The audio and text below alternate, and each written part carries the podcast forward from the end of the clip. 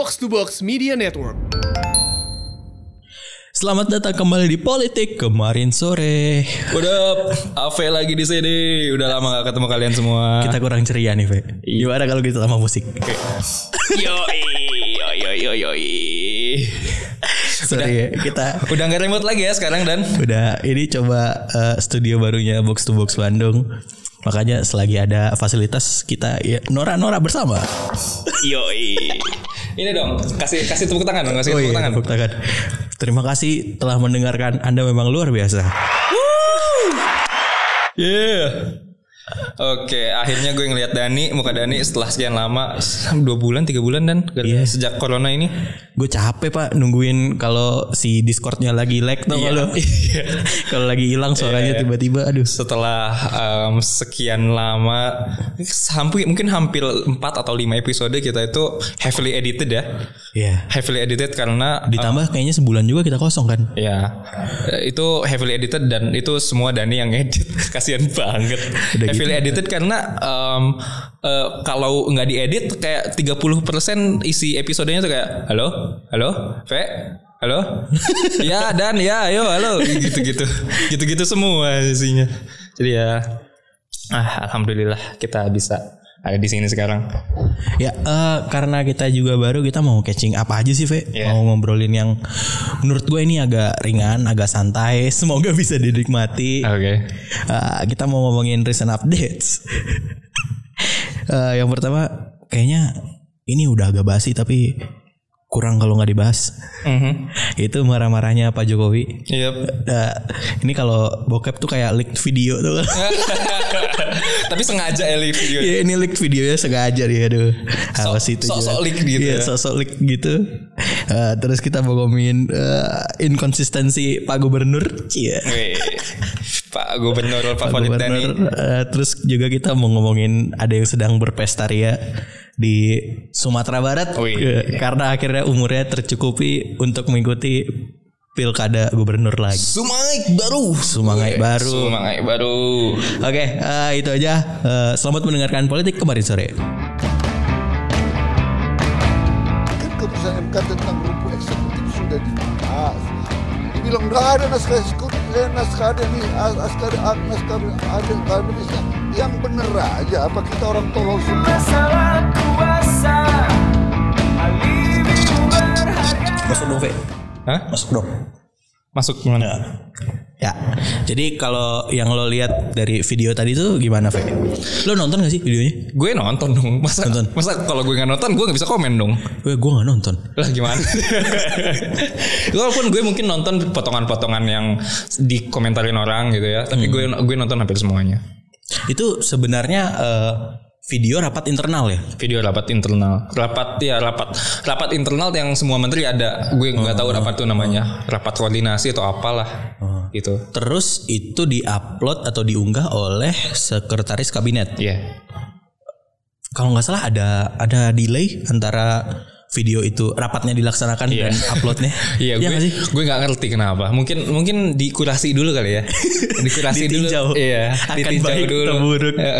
Yang menteri menteri bagian menteri yang mana nih yang bakalan yang bakalan kena fallnya gitu. Oke, Jadi eh, catch me up. Apa Iya. isi video itu? jadi em, itu videonya itu rapat kabinet eh, tanggal belasan Juli kalau nggak salah 18 Juli. Eh sorry 18 Juni. Ya 18 Juni. Dan kemudian diupload 10 hari kemudian kalau nggak salah tanggal 28 ya 28 29 Juni. Nah dan itu em, si eh, Pak si lagi Pak eh, Pak Jokowi Presiden Jokowi itu di video itu terlihat marah-marah. Hmm. terlihat marah-marah dan terlihat em, menyalahkan bukan menyalahkan sorry memperingatkan memperingatkan menteri-menteri yang em, menteri-menteri dan kementerian yang dianggap kinerjanya kurang dalam menanggapi covid ini dan Yang mana adalah semuanya ya, Sri Mulyani ya. Iya. Iya kali ya. Gue ya mungkin kalau menteri menteri yang paling jauh hubungannya sama karena corona apa setahu gua kalau misalnya ada yang di divisi tertentu gitu eh divisi kementerian tertentu itu jatuhnya ratas pak rapat terbatas. Apa terbatas ya. Ini kan dikumpulin semua Iya. terus dimarah-marahin. Mhm. Yang gue dengar tuh kalau nggak salah eh, eh, apa sih kementeriannya Pak Terawan tuh Kementerian Kesehatan Ya. itu paling disorot karena anggarannya Anggarannya belum maksimal. Belum diserap belum diserap maksimal. Tapi balik lagi sebenarnya anggaran tadi kata Pak Jokowi, Hmm. anggarannya itu belum sampai 10%. Diserapnya itu belum sampai 10%. Hmm, Which gue nggak ngerti sebenarnya gue bukan pakar administrasi negara ya. Hmm, Kok bisa gitu loh. Kok bisa belum sampai 10%? Karena udah pada ngomongin restrukturisasi APBN kan. Heeh. Kalau misalnya yang ada aja belum diserap, kenapa harus restrukturisasi gitu? Heeh. Jadi Kayak makes no sense. makes no sense karena apa buat buat digunain buat apa lagi itu duit kalau nggak diturunin nggak kalau nggak dicairin buat buat buat penanganan corona buat apa lagi gitu Buat produksi masal kalung. itu itu beda kementerian loh Tapi itu salah satu yang disorot juga gue yakin. diproyekin pak Dan harus sih. Hmm, itu tuh Pak Suri Surya Yasin Limpo itu bukan sih? Kementerian. Iya, iya. ya menteri Yang- Kementerian pertanian ya Terus katanya Pak Prabowo diomelin juga. Ya itu Ada ada direct direct apa? Kalau serangan tuh apa? Direct direct attack gitu Direct attack. ke Pak Pak Prabowo. ya ya ya jadi um, yang kena yang kena jelas kena kena banget dari pak dari marah-marah Pak Jokowi itu ke- jelas Kementerian Kesehatan Pak Terawan terus um, yang paling kena lagi itu kementerian-kementerian yang jelas ada ininya sama apa tuh? Yang jelas ada yang yang direct ininya sama corona. Dan itu kebanyakan yang diomongin itu yang tent- tentang investasi yang di bawahannya investasi gitu. Hah? Iya. Maksudnya? jadi em, bahasanya Hah? bahasanya itu bahasanya bahasa pidatonya Pak Jokowi itu kementerian-kementerian itu tidak bekerja optimal dan konsekuensinya itu nanti akan em, akan ke investasi yang masuk ke ini investasi yang masuk ke Indonesia gitu. Jadi em, kayak kementerian apa tuh? Di bawah di bawahnya Pak Luhut apa aja sih Ada pertahanan. ada ada pertahanan ada bukan pertahanan. Kalau pertahanan Pak Pak Prabowo ya? Iya di bawah Pak Luhut. terus yang di bawah Kemenko perekonomian juga kena. Hmm. gitu. Tapi em, yang jelas yang jelas ini banget selain Pak Terawan itu sebenarnya Pak ini Pak Kemenag. Yang Pak Farul Razi Pak Razi Kena- karena yang sebelum ini Pak Pak apa Kemenag itu udah udah aneh kan kerjaannya udah aneh kan kerjaannya. Sekarang terus sekarang makin ini lagi makin eh, terus sejak ada pidato ini terus makin makin digoyang lagi gitu. Karena emang kalau menurut gue yang paling parah dari penanganan corona ini adalah eh, public apa sih ngomong ah, komunikasi ke publik gitu. ya. komunikasi publik. Kayak yang baru tadi pagi itu kan ada lo tau ini nggak istilah PDP ODP kita diganti. iya. Itu kan ngapain? buat itu? apa Udah di ujung. Iya. di ujung hmm, di ujung di ujung Eh, di ujungnya mungkin di ujung ya. gue nggak tahu itu ya kayak di, di di ujung terowongan mungkin tapi terowongannya masih panjang Mungkin gitu masih ada terowongan berikutnya Iya. kita tahu. Tapi kan kita udah berjalan dengan istilah ini tiga bulan, empat bulan. Iya. Kenapa tiba-tiba diganti? Bukannya cuma ini ya, maksudnya cuma menimbulkan kebingungan baru gitu. Iya. Padahal itu udah cukup apa ya? Udah cukup udah cukup ringkas dan kemudian udah coba oh ini kategorinya ini ini kategorinya ini kategorinya ini gitu. Terus kemudian sekarang diganti jadi kayak lah ngapain? Makin ini lagi makin makin bingung lagi gitu.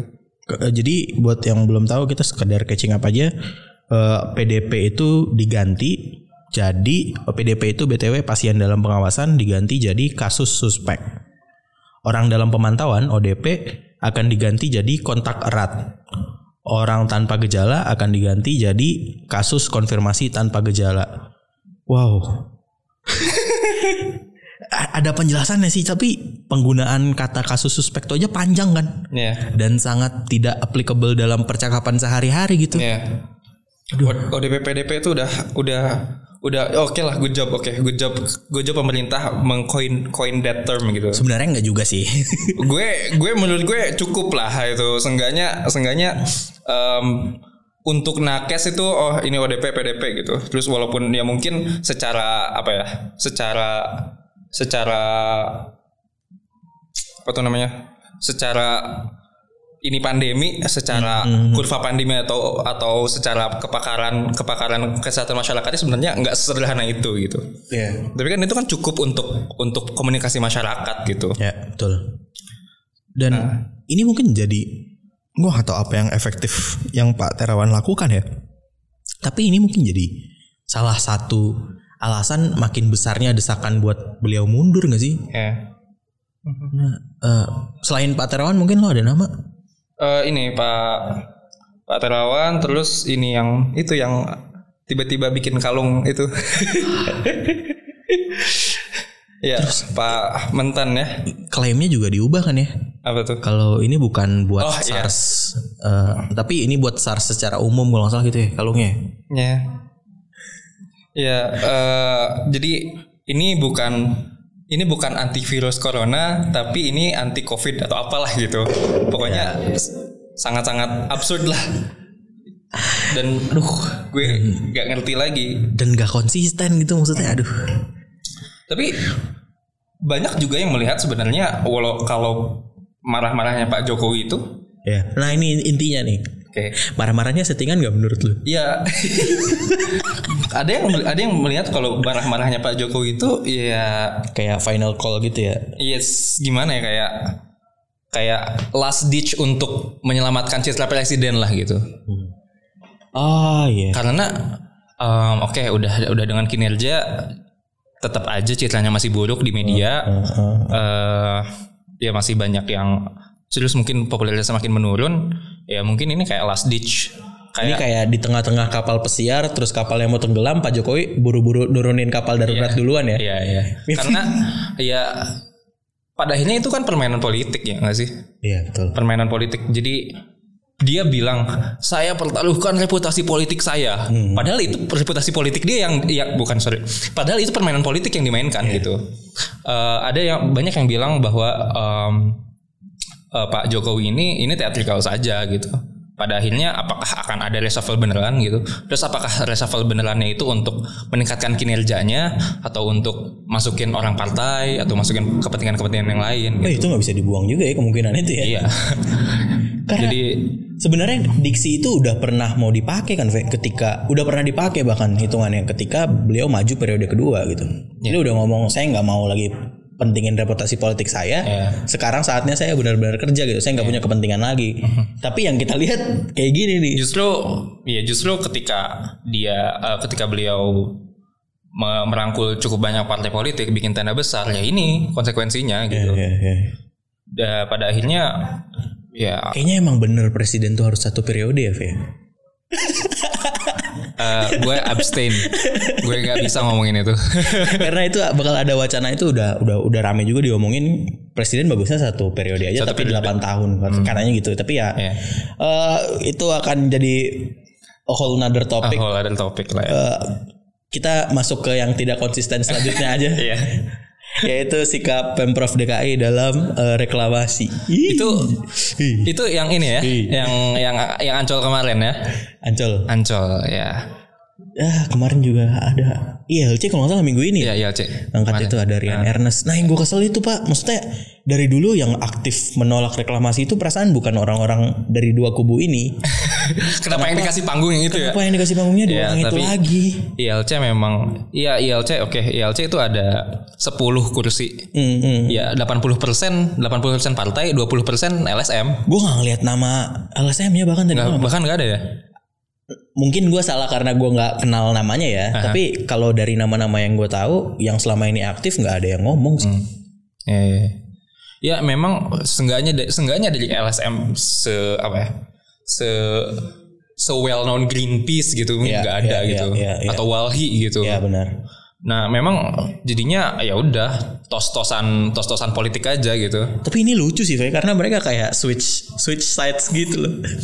Ya tapi sebelum sebelum kita ngomongin soal politiknya, Eh. ngomongin soal kebijakannya dulu sebenarnya Ah, ada apa iya. sih? Uh, jadi sebenarnya ada selama ini kan pemprov itu ngelakuin pengerukan sungai kan. Mhm. Nah pengerukan sungai itu uh, sisa sedimentasi ya kalau nggak salah bahasanya ya, yang ada di Iya, bawah sungai itu, betul. itu kan dibuang di Ancol tuh. Aha. Nah, si sisa sedimentasi itu mau dimanfaatkan buat penambahan lahan di ujung. Iya. Artinya ini kalau diomongin secara status berbeda sama reklamasi yang sebelumnya karena dia nggak bikin pulau baru, dia cuma nambah kayak kalau misalnya cuma ngejorokin lautnya lah gitu. Hmm. Jadi eh, daratannya diperluas, ditambah kalau nggak salah ada 120 hektar. Nah tapi yang bingung itu kalau misalnya mau ditambah, kalau yang gue baca dari ahli ya, eh, itu SK 100 hektarnya lagi tuh masih mau dicari. Jadi sisa sedimentasi ini cuma cukup buat 20-an hektar gitu. Iya. Sisa 100-nya nggak tahu. Ya nggak mungkin lah kalau sedimen sungai bisa sampai ratusan hektar. Ya, eh, terus eh, apalagi ya eh, kasusnya? Yang jelas itu sama sekali berbeda sama yang 13 pulau sebelumnya. Kan 13 pulau sebelumnya kalau kata Pemprov udah benar-benar dihentikan. Yang ini itu tapi dalihnya sama-sama mencegah ada banjir.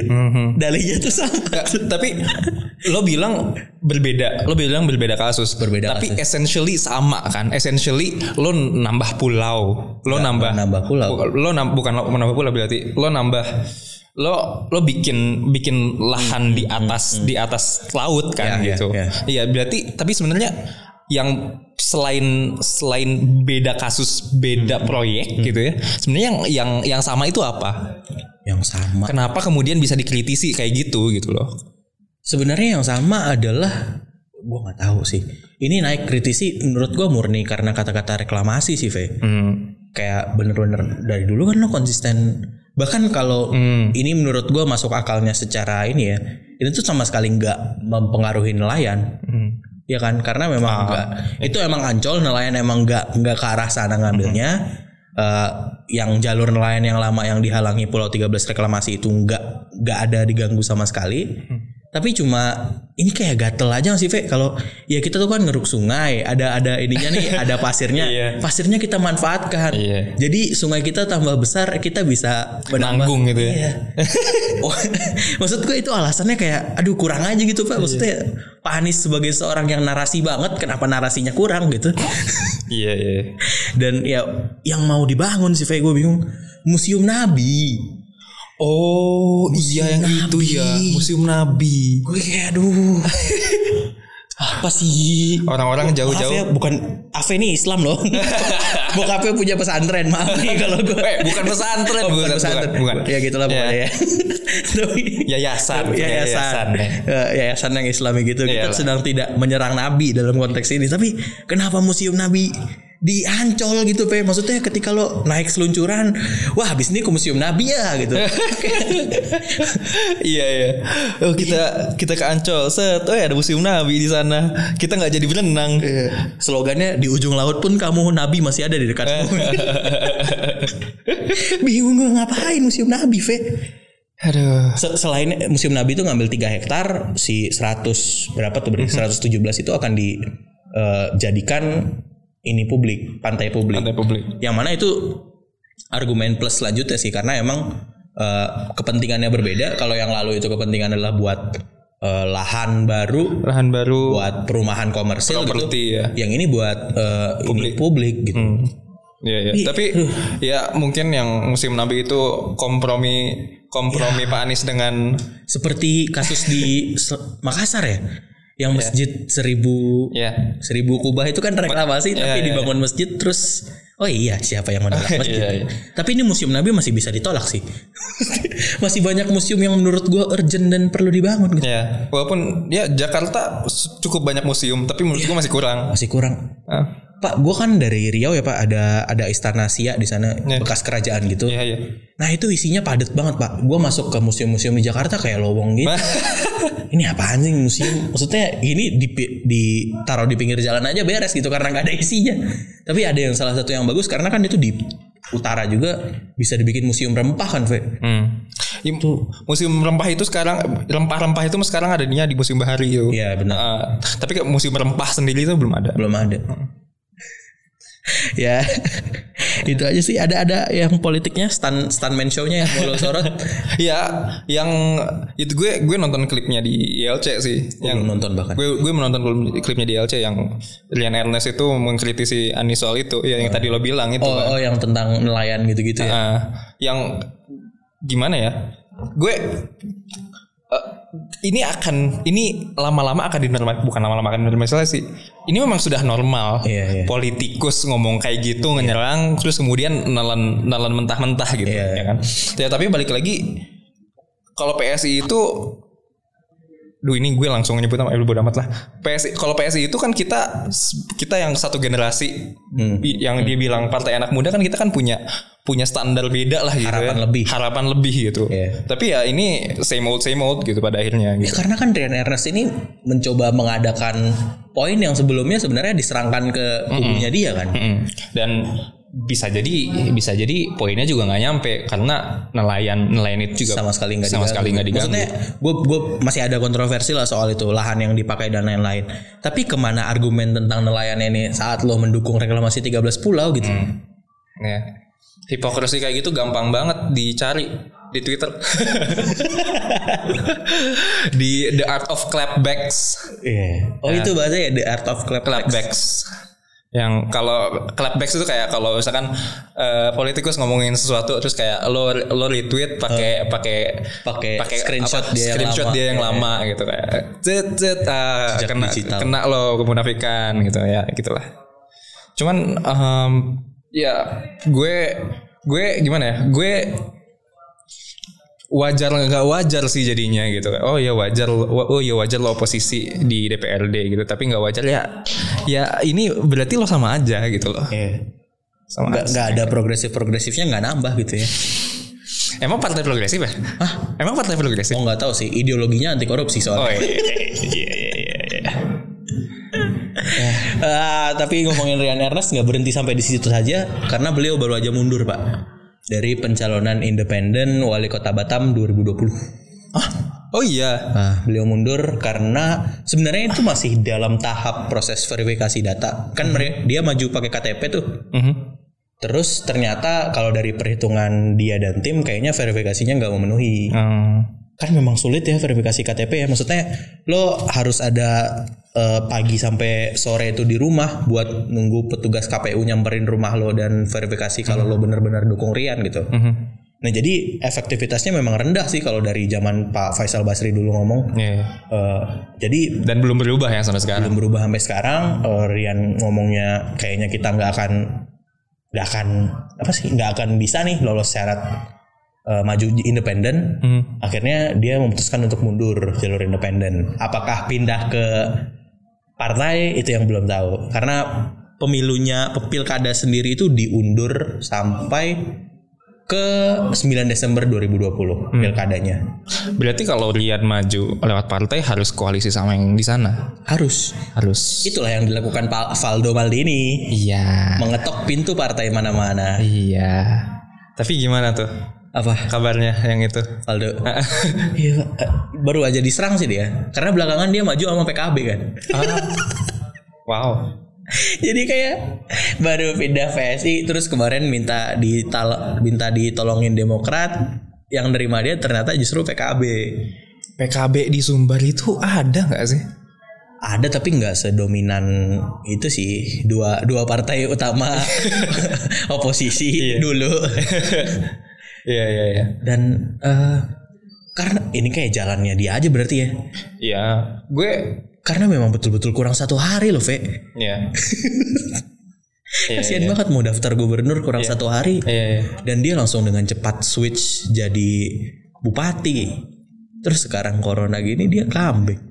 I am back lagi aja. Comeback Sumbar ya. comeback sumber Cuma eh, baru, tapi katanya udah dapat wakil. Udah wakil Udah kayaknya wakil. wakilnya dari Wakilnya PKB, harusnya ya Ah.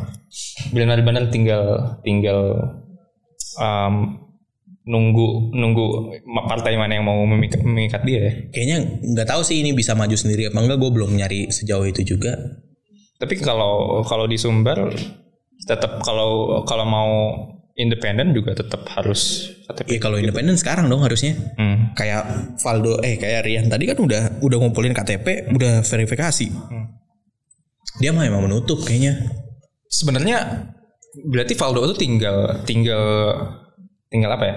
Tinggal naikin elektoral namanya dia kan. Iya. Terus kemudian dia jualin itu ke, ke partai-partai. Nah itu yang gue bingung Valdo tuh kan perlu perlu naikin itu ya. Kenapa? Apakah inkonsistensinya dia dalam meng- mengambil jalan ini bukan sesuatu yang buruk buat masyarakat Sumber. Inkonsistensi gimana maksud lo? Tadi pak, kalau lo nggak, gue nggak memenuhi ini nih, gue Oh. mundur jadi bupati. Iya. Oke, sekarang umur gue cukup, perjuangan gue jadi bupati, gue tinggal, gue mau gubernur lagi. Kelihatan ambisnya ya. Dan ya maksudnya itu memang dia memang tidak pindah partai, dia masih statusnya PSI sekarang Iya. DPW PSI Sumber. Tapi kan bukan itu yang dilihat masyarakat, Ve. Masyarakat ngelihat foto dia bersanding sama PKB, pikiran masyarakat oh dia PKB sekarang gitu. Ya. Gue gue nggak tahu ya, maksudnya lu mungkin lebih ngerti soal kondisi sumber kayak gimana kan. Ha, tapi em, s- semakin dia sering disebut sama media, Hmm, semakin sering juga orang lihat dia, sebenarnya mungkin ada jalan mungkin ya, ada jalan untuk untuk kemudian oh bisa nih memikat partai mana gitu, partai mana, terus kemudian bikin koalisi yang nggak cuma satu partai, Iya. bikin koalisi yang mungkin 2 3 4 5 partai gitu yang Mungkin secara popularitas dia naik tapi elektabilitas belum tentu ya. belum tentu popularitas ya elektabilitas bukan bukan dua hal yang sama gitu ya populer populer kalau populernya populer jelek kan Kalau ngomongin juga. populer juga ini anaknya Maruf Amin ngajak Raffi Ahmad tau gak lo? oh iya ya nggak tahu gue Lucu banget kan? Raffi Ahmad Raffi Ahmad jadi wakil wali kota Tangsel kalau gue nggak salah ya. Anaknya eh, Wapres Maruf Amin. Kerjaan kerjaan bikin kontennya kali di, di kantor gubernur kayak kantor wali kota ya Sebenarnya gue nggak tahu sih tapi kalau dari tim Pak Gub dulu emang salah satu penyumbang kemenangan terbesarnya beliau. gitu Panji tidak ngaruh bro. Sekalinya bayar Raffi Ahmad, beuh. hmm. gitu info orang dalam info orang dalam iya nggak dalam-dalam banget orang juga udah tahu lah ini. Ada lagi be? Wah, ada kayaknya udah deh kalau jadi pilkada sampai tanggal Pilkada itu kampanyenya akan di September sampai Desember. Eh, nanti nyoblosnya Desember Desembernya 9 Desember. Tapi gue baru ngelihat berita tadi pagi, Pak Tito ngomongin kalau pilkada masih bisa diundur lagi. hmm. Se- jadi senunggu beresnya corona lah kata Pak Jokowi. Sementara Pak Jokowi prediksi nunggu beresnya corona juga. Kapan? kapan lolosnya? Pak Jokowi juga Beresnya mundur-mundur. kapan? Gelombang pertama belum kelar. Kemarin selesai Juni, sekarang kalau ditanya udah Agustus September Pak Jokowi. Kita tuh dari tadi apa mencoba untuk nggak ngomongin corona ya Dan ya. Tapi ada akhirnya ke situ lagi ke situ Gue gak lagi. mau rekaman selama ini tuh karena topiknya bakal ke sana Iya, iya, iya. Ke sana mulu dan Bukannya kita ignoran ya, tapi Bukan, kita iya. kita nggak mau nambah noise doang sih intinya. ya karena kita tidak bisa men- kita tidak bisa add something unik atau new soal coronavirus gitu. Selain teori-teori bodoh kita keluarkan kita nggak bisa ngasih value apa-apa gitu. Ya. Ah, Aduh, jadi ya mungkin Pak Tito siap-siap siap-siap ngeluarin duit buat influencer lagi ya. gue baru ngeliat tadi temen gue ada yang ikutan lomba ini video new normal Kemenpora. Kayaknya udah mulai jalan nih masing-masing bikin lomba video nih. Mantap. Aduh, ya. Boomer, boomer. Itu kayaknya kalau itulah kenapa mindset boomer tuh harusnya stay boomer aja ya. Nggak nggak nggak usah Iya, iya, disatuin. iya, iya. Maksudnya ya udah nanti ganti mindsetnya kalau ganti generasi Ganti aja. generasi aja ya. Orang mereka address milenial aja salah. Yang mereka address milenial tuh kan Hmm. iya, iya. SMP, SM, SMA, SMP ke bawah kan. Ada yang apa tuh? Eh gue nggak tahu itu Kemenpora atau bukan tapi kayak eh eh, kon- apa lomba lomba video atau lomba apa gitu, lomba bikin konten eh, bla bla bla generasi Z. Semoga ini bisa semoga ini bisa apa sampai ke generasi milenial. Itu aja kan udah dua generasi yang berbeda ya. Gimana sih? Generasi Z kan di bawahnya milenial ya. buat boomer milenial tuh ya kayak semua yang semua yang muda hip dan semua yang populer tuh milenial kayaknya. Padahal milenial paling muda itu 24 25 dan sudah mempertanyakan hidup Oh iya iya kita ya. iya iya. kayak gue gue tuh 24 dan kayak gue tuh ke bawah gue tuh udah Gen Z. Ya. Ha-ha. Menurut menurut teorinya sih Ya, seperti gue itu. sih secara tahun kelahiran Gen Z tapi karena gue di pelosok tinggalnya gue lebih iya iya iya iya iya. Milenial. Iya, iya. Itu kan memang Ge- Gen Z milenial itu em, teorinya teori di barat kan. Ya, teori barat yang kemudian standar sana nggak bisa dipakai di sini gitu. Ya, bahkan boomernya tapi boomernya masuk karena sama-sama masuk, iya. selesai perang kan Ya, Iya, sama-sama selesai perang sama-sama sama-sama populasi banyak besar. Besok kita akan mengundang ini ya 30 days of lunch ya ngomongin, ngomongin generasi-generasian ini. Ya. Ah, itu aja episode podcast kemarin sore eh, minggu kali ini. Studionya udah ada yang mau pakai lagi. Oke. Terima kasih, sampai jumpa. Sampai jumpa.